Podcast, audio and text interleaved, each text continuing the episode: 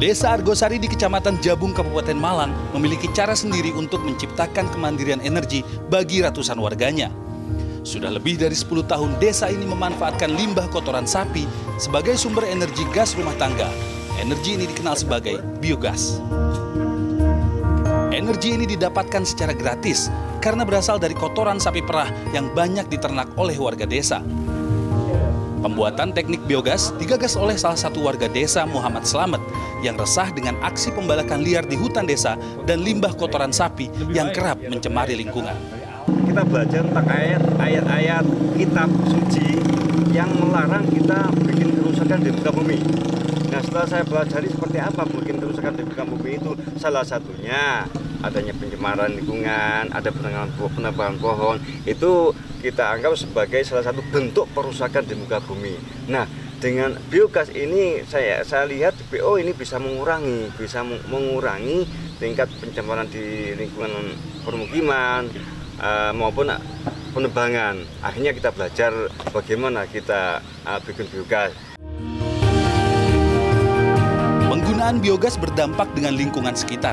Selain mengurangi pencemaran kotoran sapi di lingkungan, hutan desa setempat kembali rimbun usai tidak lagi ditebang oleh warga untuk kebutuhan masak. Ini tanaman-tanaman baru seperti Iya, kelihatan sih belum terlalu ya, tinggi ya. Iya. Apa nih Pak Pohon ini? Pohon mahoni. Mahoni. Ya. Warga semua yang warga.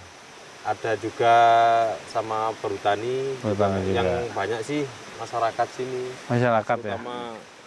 Eh, dari pemerintahan desa juga pernah kita ajak ke sini nah, untuk nanam. Uh, mulai berhenti warga itu mulai stop uh, nebang pohon buat kebutuhan rumah tangga itu tahun berapa? Apakah pas biogas masuk di sini 2010? Ya, setelah adanya biogas, jadi kegiatan warga untuk motong kayu di hutan itu mulai berkurang. Berkurang. Ya, berangsur-angsur berkurang. Akhirnya alhamdulillah sampai sekarang itu sudah nggak ada lagi yang hmm. ambil kayu. Mungkin hanya ranting-ranting kering. Ranting, ya. Biogas bisa jauh lebih bermanfaat. Usai digunakan untuk memasak, sisa cairan kotoran sapi bisa dimanfaatkan menjadi pupuk kering dan cair untuk kebutuhan tanaman masyarakat. Masyarakat yang ingin membangun reaktor biogas memang harus mengeluarkan biaya 7 hingga 9 juta rupiah.